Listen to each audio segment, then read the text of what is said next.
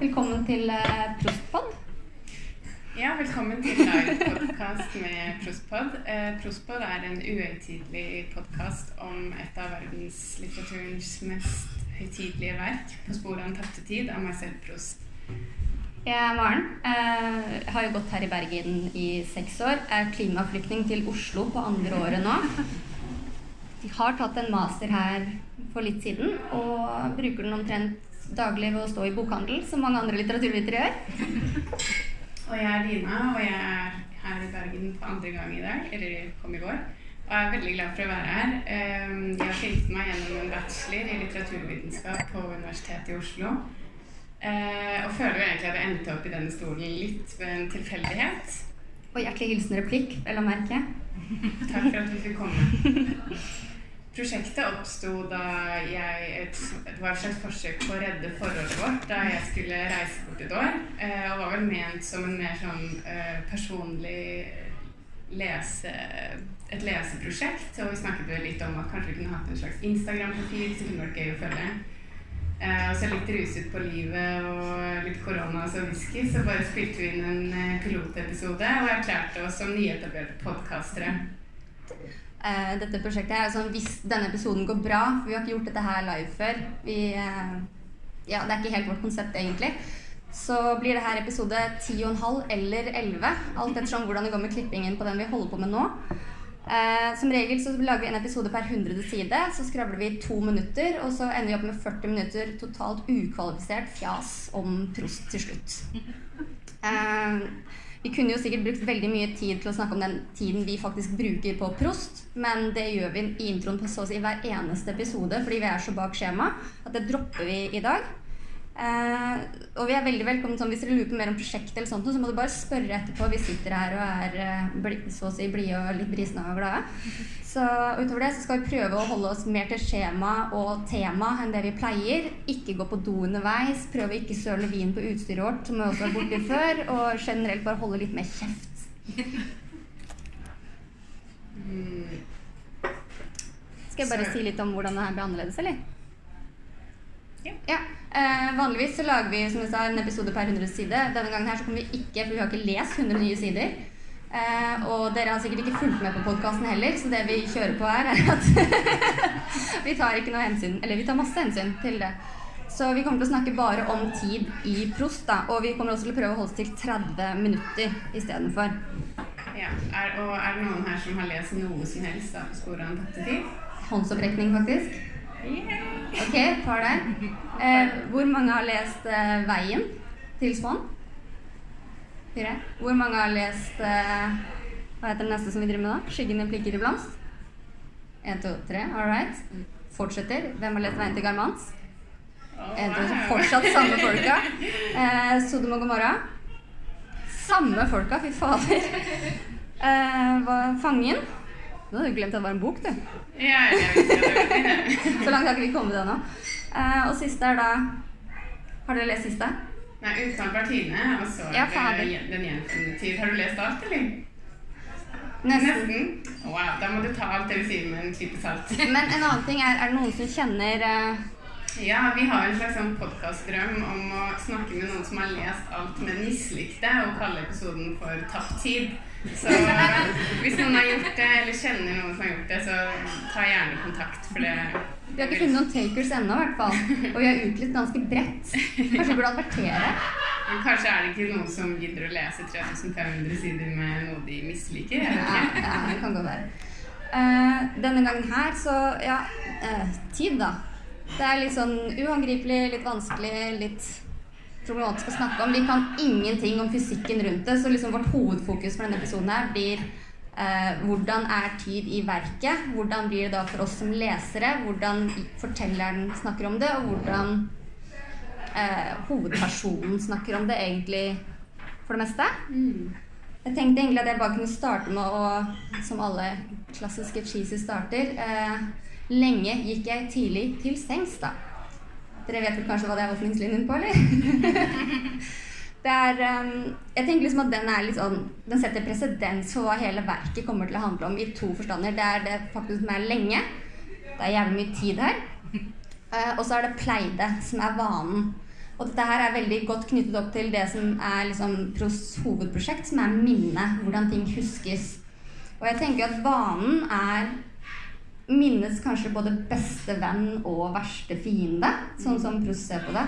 Vi har en veldig sånn tilknytning til vanen i det at det gir oss en mulighet til å huske ekstremt mye av ting som har skjedd, som på en måte har sedimentert seg i ritualer, ting vi opplever. Sånn som hos Prost er det en lunsj som kommer veldig ofte opp, som er sånn vi spiser da og da, og de ler masse av at de spiser det senere enn alle andre. Han snakker jo også om vanens sløvende virkning, men også så er han jo på en måte verdens største vanedyr selv. Hvis noe brytes fra ritualene, så får han ikke sove, eller han kan på en måte gjennomføre det. Så Nei. Og så blir det liksom, Da kan du snakke om at vanen er på en måte det som både hos Prost og i livet for øvrig er det som eh, kanskje er grunnlaget for å huske ting i det hele tatt. For hvis du ikke har dette ritualet, disse denne sedimenteringen av minnet som er der, så har du heller ikke noen mulighet til å oppnå den spontaniteten som, som oppstår i livet ved at du husker små ting, men samtidig så kanskje ødelegger den for veldig mye av minnet at du glemmer de spontane øyeblikkene i, i hverdagen din, da, og det du prøver å huske fra eget liv. Du tenker liksom på sånn som uh, ja, Hvis du leser sånne clickbait-artikler, som jeg gjør veldig veldig ofte, så er det også sånne eksempler på tid sånn hvor mye tid du har brukt på å stå i, i dusjen, f.eks., som folk ikke helt husker. Eller hvor mye tid du har brukt på å sove. eller hvor mye Du, du husker jo ingenting av disse tingene som du har brukt absolutt mest tid på hele ditt liv. Scrolling på internett. Ikke minst. Nå skulle jeg til å si at dette er essensielle byggeklosser i livet ditt, men scrollingen kan kanskje, kanskje kuttes ut lite grann. Men, men det er jo det som er hele grunnlaget for at vi skal kunne huske noe over hodet. At vi klarer å kjøre rutine på noen ting. Hva tenker du liksom at Prost sier om det? Gir det mening, liksom, det jeg sier nå i det hele tatt? altså Når Prost snakker om tid, så blir det ikke nødvendigvis mer håndgripelig. Og eh, kanskje har han litt problemer med å godta tiden som konsekvent lineær. Eh, vi har jo disse mm, jeg festet meg veldig ved et, Han snakker mye om timen mellom tolv og ett, hvor han, eh, dette, det innebærer lange spaserturer med Madame Swan, som er en av hovedkarakterene. Og um, han snakker om hverandre om det som én spesifikt gåtur, og alle disse gåturene jeg hadde under Madame Swans paraply. Ja, han er ikke veldig sånn lineær av seg, sånn tidsmessig. Nei, på ingen måte. Og um, Um, hva skal man si? Altså, hvorfor, hva tenker vi, hvorfor gjør han dette grepet? da? Når da helheten får jo en del av enkelthendelsene. Uh, det har vi snakket litt om. Hva, hva, hva, slags effekt har det på, på måten han snakker om tid? Ja, altså det, gjør, altså det, har jo veldig mye med vanene å gjøre. ikke sant? Det at han prøver å finne Det jeg lurer mest på, er jo egentlig Er dette her Prøver han å gjøre noe emblematisk ut av det som forfatter? Han snakker veldig ofte om ja, sånn som den turen han tar i skogen, da, Er det her noe som han prøver å huske spesifikt fordi det var veldig viktig for han, eller er det enkelthendelser som har vært de store tingene, og hvorfor han går så opp i ikke, altså detaljene noen steder og bare i vanen andre steder? Mm. Jeg tenker jo at man prøver måte å skape et slags sånn sanselig bilde av en svunnen tid. Altså Paris på, altså i salongkulturen. og altså en tid Han lar leseren få bli en del av, en, av det tidsrommet. Men vil han ikke da, altså Hvis du skulle skrevet for historisk, eh, et historisk verk, da ville du ikke få samme effekten av en tid på den måten? Altså se det på den måten? Vi, dette snakket jo vi litt om. Vi har begge vært og sett uh, Once Upon a Time in Hollywood. Og jeg synes, Ingen spoilere? jeg syns de gjør et veldig sånn fint sånn makroblikk uh, over et mikrokosmos. Da de snakker om måte, den tiden i Hollywood som jo er forbi nå. Hvor du, du er på en måte jakttaker av masse små enkelthendelser som egentlig på en måte ikke betyr noe alene, men som skaper et, en slags ribbe. da. Uh, kanskje for å si noe om hvor langsom tiden faktisk er. da. Og ja utstrakt, men ikke evig. Mm.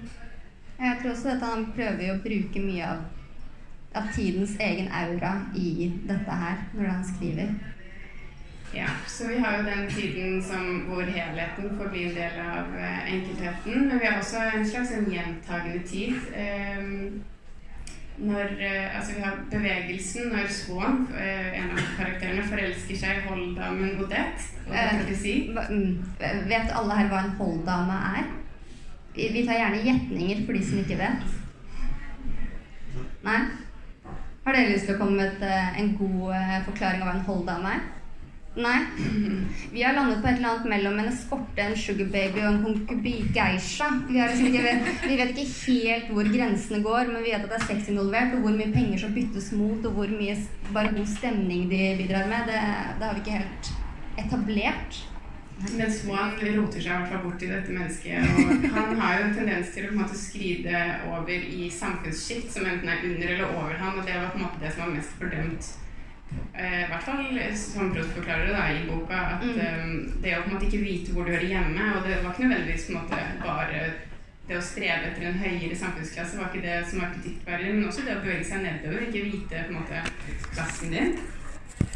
Eh, og denne bevegelsen er jo Altså, han roter seg inn i et så uh, utholdelig kjærlighetssorg eh, som, eh, som gjentar seg da Marcel forelsker seg i eh, datteren deres, uh, Gilberte.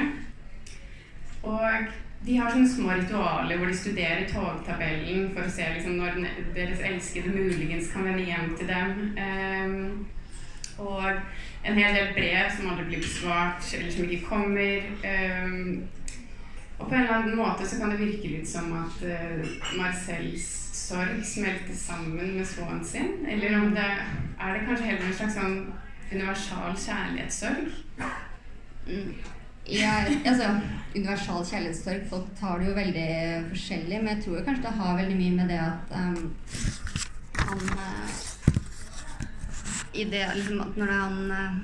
Når han visker ut grensene mellom liksom, de forskjellige lagene i historien. Altså, han, han klarer jo ikke å fortelle vi snakket litt om, Han snakker ikke om tid lineært i stad. Han forteller jo ikke historien mellom seg og Swan eller han og Gilberte lineært heller. Han bruker f.eks. Uh, Swans historie før sin egen, enn når han ikke var født ennå. Og dem, så kan han ikke oppfatte det på den måten. Hvorvidt han vil bruke det som en, en universal kjærlighetssorg? Kanskje. Jeg tenker bare sånn, for, Selv om det er ubehagelig å innrømme, så må jeg jo si at det er en slags sånn gjenkjennelsesfaktor i denne brutale kjærlighetssorgen, da, hvor du blir på en måte den verste versjonen av deg selv. og eh, jeg tenker sånn, jeg i hvert fall, kanskje, eh, kanskje det er helt skrudd, men har man ikke alle ønsket å på en måte straffe sine utkårede i en slags dantesirkel? Kanskje ikke den innerste, men eh, i hvert fall en av de, da.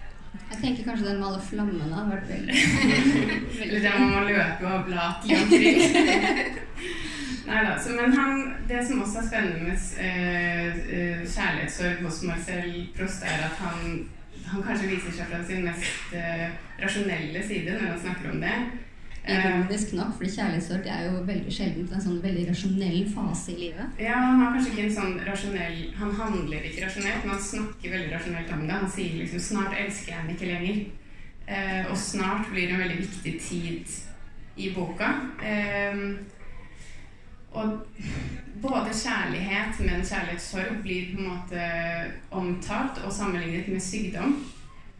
Hvor tiden er det eneste som kan helbrede. Det eneste som kan på en måte redde deg fra sykdommen, er det med tid. Og sånn sett så tenker jeg sånn kan man si at han har et positivt eller optimistisk syn på fremtiden. Ja, bare en sånn liten sånn bisetning der. Jeg er jo enig i at når det gjelder kjærlighetssorg, så er vel tid kanskje den beste medisinen. Men Det er sykdomsbildet. Han burde kanskje ta litt andre medisiner sånn til vanlig. De der whiskyblandingene og melkedrikkene og greiene som doktoren hans prescribes him utenom. Men eh, ja, jeg vil jo kanskje si at han er optimist i et, et litt sånn forvrengt forvrengt syn. fordi han, altså han er jo alltid optimist i at neste gang blir bedre. altså Neste gang blir sånn superbilde på alt som kan gå bra. Det er en kjempe sånn potensialitet i det. Men samtidig så går det jo alltid skeis. Jeg vil jo kanskje si at han er ganske dum også. I det at han ikke klarer liksom å lære seg hvordan håndtere Eller, eller kanskje det er en forsvarsmekanisme like mye som en optimisme. da. Ja. Nei, jeg, tenkt, jeg tenker at han har et positivt syn på fremtiden. Om det er rasjonelt eller om han er dum eller hva det er, det vet ikke jeg. Men eh, jeg tenker på et annet punkt hvor han Forestillingen hos Prost er jo alltid på en måte forskjønnet. Den er jo bedre enn virkeligheten. Og kroneksempelet er kanskje han har jo enormt lyst til å se skuespillerinnen skuespillerinnen La Berma i rollen som Febra. Og dette gleder han seg altså så enormt til, og går i teatret med skyhøye forventninger. Og blir jo så skuffa. Um, som han alltid blir. og det er på en måte det, det som er virkeligheten, kan aldri nå opp til idealene han har skapt. Da har gått flere år og på en måte analysert teaterplakater og anmeldelser og bare sett for seg hva slags eh, tone hun skal bruke, eller hva slags måte, stoisk ro hun skal ha når hun fremfører monologen sin. Og så blir han skuffa. Og sånn sett så er det på en måte en slags sånn Ikke bare minne og erindring som får en opphøyd status, men også en tenkt fremtid, da. Mm. Nå hadde jeg en tanke, og så forsvant den midt i tenkt fremtid. Det handlet om Nei, jeg tar det tilbake. Vi kan gå videre. Ja. Så prosjektet hans er på en måte å gripe fatt i og fryse tiden. Eh, den tapte tiden. Og da på en måte det naturlige spørsmålet tenker jeg å stille seg er på en måte hva er tapt tid? Og ja, hva tenker du der? Jeg tenker jo først og fremst at tapt tid er den tiden du ikke får tilbake. Dvs. Si de sidene i notatboken i livet du allerede har skrevet ut. på en måte. Du kan ikke gå inn med korrekturlakk og bare Nei, scratch det, vi går videre. Nå kom jeg på hva det var jeg skulle si. om det, det, er, det er det at han er så jævlig form Altså det, er, det, er, så lett å forme Prost i hans minne. Altså Hans fortid er ikke hans fortid, fordi han bruker korrekturlakk. Det var der jeg kom på det nå. Han bruker korrekturlakk hele tiden, for når han snakker med folk om ting som han er skuffet over, og de sier nei, nei, men det var egentlig ganske bra, så går han tilbake sånn Å ja, det var egentlig ganske bra. Altså Han er jo helt Han omtaler seg selv som flytende masse i en vase, og eh, han, er, ja, han leser jo et, et, en anmeldelse av dette teaterstykket da, som sier sånn Det var, vellykket, eh, det var et vellykket stykke. Og sånn, jeg, jeg gjorde han snakker med Bergotte om det samme Bergman-stykket, og han sier sånn det var ganske dårlig. Han bare Nei, men jeg syns det lyset var ganske fint, egentlig. Den ene akten bare Ok, de skjønte det der sjøgrønne greia, men heller så var det ganske ræva. Han forsvarer det til og med, selv om han selv opprinnelig var dritskuffa. Så tapt tid er jo ikke bare tapt tid. Det kan jo endres litt grann også. Mm. Jeg tenker jo at en tapt, altså, tapt tid er noe så enkelt som det er tiden som har gått. Og eh, om det er tiden du savner, eller om det er noe du ikke husker, eller om det er eh, ja, bare det som er forbi deg allerede, så, mm. Så er det i hvert fall en søken etter å gripe denne tiden og finne tilbake til den. Og um, han innleder jo bok én med som voksen eh, altså en voksen jeg-forteller som, som, på en måte ligger og tenker tilbake på lenge gikk jeg tidlig til sengs. Han tenker på en tid hvor han fikk sove, og, og alle soverommene han har hatt gjennom livet sitt. Og prøver å finne ut hvordan kan jeg på en måte få tak på dette her igjen. Eh, og det kan jo virke som et evighetsprosjekt å på en måte ja, kjempe om tid som ikke eksisterer lenger. Eh, men han finner i hvert fall minimum to, to måter å gjøre dette på. Og det ene er jo disse spontane minnene, altså Madeleine-kaken, som er det mest kjente eksempelet. Eh, som si... alle her kjenner til, eller bare hørt ordet på? Nei. Madeleinekaken er jo den emblematiske prosthendelsen som jeg synes nesten skuffende nok kom allerede sånn typ side 130. Jeg trodde liksom vi måtte ha den som sånn cliffhanger litt lenger ut i boka for å liksom holde oss på pinnen litt lenger. Men det som skjer, er at han spiser en, eh, en madeleinekake som er en ganske sånn unnselig, kjedelig kake, spør du meg. Uh, og så drikker han det med lindete. Så jeg syns egentlig, egentlig man kunne like hent liksom, episoden med lindeteen, men den blir liksom bare feid unna fordi madeleinekaken er så mye mer sexy. Uh, hvor han spiser en kake og får et sånt sånn som han forklarer det, nesten sånn voldelig flashback hvor han blir dratt tilbake i tid og husker når han er tilbake i Combré med tanten sin, som hadde et ritual hvor hun ja, Hun hadde mange rare ritualer, for hun var en freaking crazy lady, hvis dere hører de første episodene. Eh, hvor de alltid har en greie hvor de drikker te, spiser kake, og han får en sånn der, han kjenner plutselig rommet og luktene. Og det er min, det er min favorittpassasje i alt jeg har lest etter oss hittil. Når han bare snakker om alt som er i et rom. Og for dere som lille fysikk Rovelle der borte, rom og tid henger heftig sammen. Hvor han bare går sånn utrolig dypt inn i hva det er å være i et rom som har vært en scene for utrolig mye som utspiller seg. Og det det er ufrivilligheten i den tilbaketrekningen som virkelig tar han. Og så er det intensiteten i det og sjokket over hva er det jeg har glemt? Hvis dette som er så viktig for meg, og som kan ta meg med så stor kraft, faktisk kommer ut av intet. Nå prøver vi jo på en måte da å ta flere biter og dyppe denne kaken i lindete, og for hver gang så blir på en måte erindringen svakere. Altså, så, så, det er på en måte Hashtag vanens sløvende virkning. så det er ikke noe som du kan planlegge, eller noe du på en måte Når du først har fått opplevelsen, så er den forbi allerede, på en måte. Eh, andre måten du kan eh, gripe tiden på, er gjennom litteraturen. Eh, ved å skrive den boka, og, og, og kunsten også. Um, og han bruker uh, Altså et annet, kanskje litt mindre kjent eksempel er Vintuils sonate. Vintuil er en, en, av de første karakterene du blir introdusert for. Som er en komponist som bor i Combré.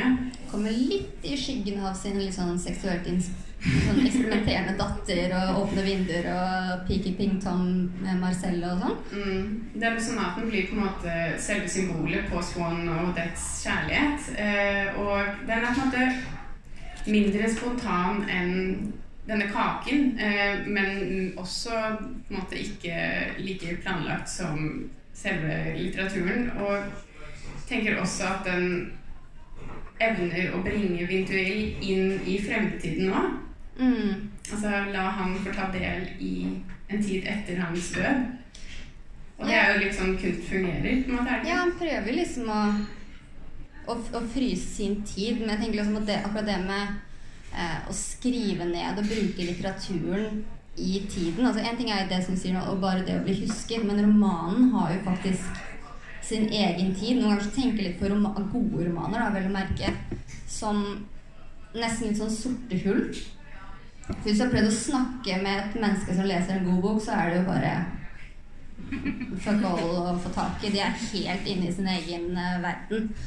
Og de, han går veldig dypt inn i det, særlig en episode i den første boken hvor han snakker om det å lese i hagen. Han er helt sånn oppslukt av det å lese. Han, altså han er jo oppslukt av lesing generelt og andre forfattere og ting han skulle ønske han kunne være. Han har jo FOMO for å være ung og lovende når han er 13 år gammel. Men, men, men han snakker veldig mye om ja, altså, e, romanens egen tid, da, og særlig hva romanens potensial er i det at det er så kort. Han sier f.eks. at um, når det du leser, så leser du, kan du lese et helt liv på 360 sider. Og la oss si at for snabbleserne der ute så tar det fire timer, og for de andre så tar det kanskje ei uke. Men uansett, det er liv på ei uke. Og det at romanen er så konsis og kort, gjør at de følelsene du har i det tidsrommet, er så ekstremt intense i forhold til hva du klarer å få til i ditt virkelige liv. Altså, la oss si at du opplever en forelskelse, en kjærlighet, så går den kanskje over La oss si en måned eller ti år. da. Og så går den over igjen, så får du en hjertesorg. Mens i Prost eller i andre romaner, så får du kanskje det på 100 sider. Og det at du får det så rett opp i ansiktet, er som en slags placebo-madeleinekake som egentlig ikke er din egen opplevelse engang. Du får følelsen så intenst på at det, det er nesten mer virkelig liv noen ganger enn det ditt faktiske liv er. Og så tenker jeg liksom sånn Men samtidig så du kan jo på en måte Er det ikke uten å bruke han som et sånn høylitterært eksempel, men uh, eh, J.R. Martin som sa at uh, et, uh, et, lesende liv er som å leve tusen liv. Og det kan du bruke både sånn kvalitativt og kvantitativt. Ja. Kvalitativt fordi du kan faktisk føle tusen livs følelser i et lesende liv. Men du kan også på en måte leve tusen liv fordi at du har et helt liv i en liten bolk hver eneste gang. da. Så det er en veldig sånn kul måte å snakke om det på. Samtidig så jeg vet liksom ikke helt om Prost egentlig har et ønske om å skrive en roman noen ganger. Altså Han er jo veldig sånn konfliktet i hvordan han forholder seg til et, som vi sa i første episode, sånn, hvem faen er det som skriver 3500 sider om et levd liv? Altså Det er jo ikke en romanroman. Han prøver jo til en viss grad å bruke romanen sin både som et sånt eksempel på hva et helt, helt liv kan være, og prøver å få en sånn faktisk virkelighetsoppfatning av hvordan tiden går hos deg. Da. At han bruker 100 sider på en kjærlighetssorg som er helt jævlig å lese. For du sitter bare Eller 20 sider på en blomst. For eksempel. Altså, det er sånn, jeg er mer hovent. Ja, denne hagetornen kan gå og dyppe seg i et eller annet. Men, Men jeg tror på en måte hans prosjekt, da, det å på en måte skrive denne langstrakte tiden, for det er det han gjør, eh, ikke er sammenfallende med det han mener er romantidens eh, måte, kvalitet. da. Jeg vet ikke om han ser det i sin egen roman, men det jeg er ganske sikker på, er at han, han snakker om Når han skriver om kunstteori, så snakker han om at måte, de, de kunstnerne som har forstått det, de kaster verket sitt tilstrekkelig langt inn i fremtiden, der hvor det er dypt nok til å bli tatt imot. Mm. Og jeg føler at han gjør det i, i en veldig stor grad, fordi at selv om han snakker litt om fransk historie, og litt om Dreyfus-saken, og litt om ting han finner på også til Bosus inntog, som jeg trodde lenge var et, et faktisk, eh, faktisk hendelse, så snakker han jo om måte de mest tidløse og universale temaene som vi beskjeftiger oss med, da, og det er på en måte jeg tror at dette var noe som ble oppfattet som en samtidsroman, men som vi fortsatt leser i dag. Og selv om språket er litt annerledes enn det vi er vant til, lange setninger og, og indre monologer, så er det på en måte Det angår oss fortsatt, da. Ja. Ja. Jeg tenker jo at jeg er både litt enig og litt uenig, for jeg syns jo fortsatt det er litt sånn corny å skrive så mye om seg selv og bare sånn 'Dette er for dere, ta fremtiden, kos dere med det'. Men samtidig så er det sånn at han må jo ha skrevet nok om sin samtid til at vi faktisk får en følelse av at det har vært en fortid. For hvis han hadde bare skrevet et rent tidløst drama, så hadde det ikke vært noe for oss å Eller det hadde ikke funtes noen tapt tid for han å skrive om. Da. Han må jo bruke ganske mye kulør, samtidig som han også sier til ditt forsvar da, for øvrig at min roman er ingen nøkkel. Det er ikke noe vi kan finne ut om han samtidig egentlig. Han prøver å skrive totalt universalt. Mm. Jeg vet liksom ikke om det ene utelukker det andre heller, for jeg tror at han eh, litt skriver Jo, for å gripe den tiden, men jeg tror altså Han snakker om Det er en passasje på slutten, den har ikke vi lest, men eh, en maskeballe, det er en superkjent passasje fra boka, hvor han drar tilbake på fest hos Guermantes, og så eh, treffer han alle disse menneskene som han har Eller noen av de da, som han har eh, omgått tidligere. Og så har alle blitt gamle. Mm. Og så sier han også, jeg vet ikke om han sier det så eksplisitt, men han tenker at 'jeg skal redde dere fra å bli glemt', 'jeg skal skrive om dere', på en måte. Og eh, jeg tror, ikke han tenker, jeg tror ikke han skriver om å kaste verk inn i fremtiden, og han skriver om å skrive om folk for å ikke bli glemt, men ikke gjør det for eget eh, for egen nei, vinning. For, nei, for når vi snakker, så tenker jeg at uh, han gjorde det litt for egen vinning, men kanskje også i sin samtid. At han føler at han samler sin identitet når han føler seg litt ubrukelig og er litt sjuk og ligger oppe i senga og har egentlig ikke skrevet noe større. liksom, at han litt sånn, ja, men nå skal, liksom, nå skal jeg samle mitt liv i en tekst. Mm. Men den der, selv, den der uh, Kobe-kaste uten i framtiden er kanskje ikke like like viktig, da. Og der hadde jo vi en del uenigheter, egentlig, når vi snakket om det sist. Ja.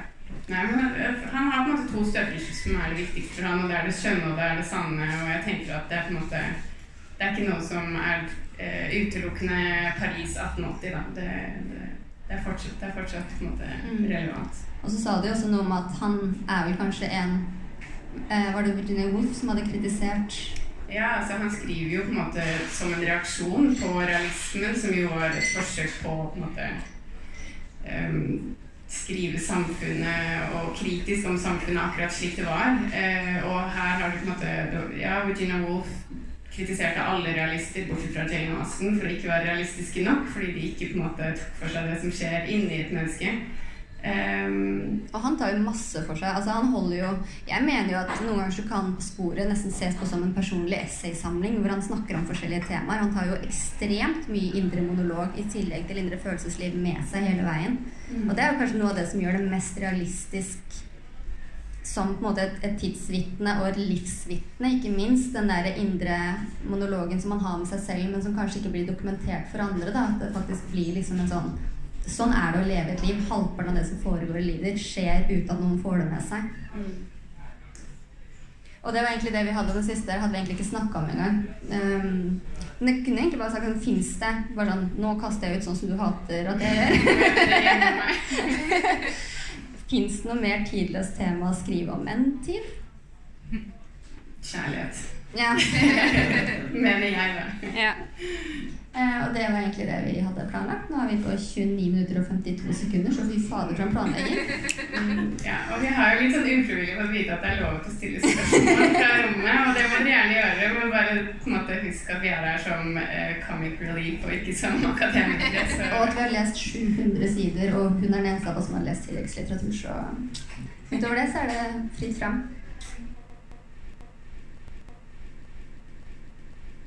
Og hvis det ikke er noen, så sier vi tusen takk, og så drikker vi vin.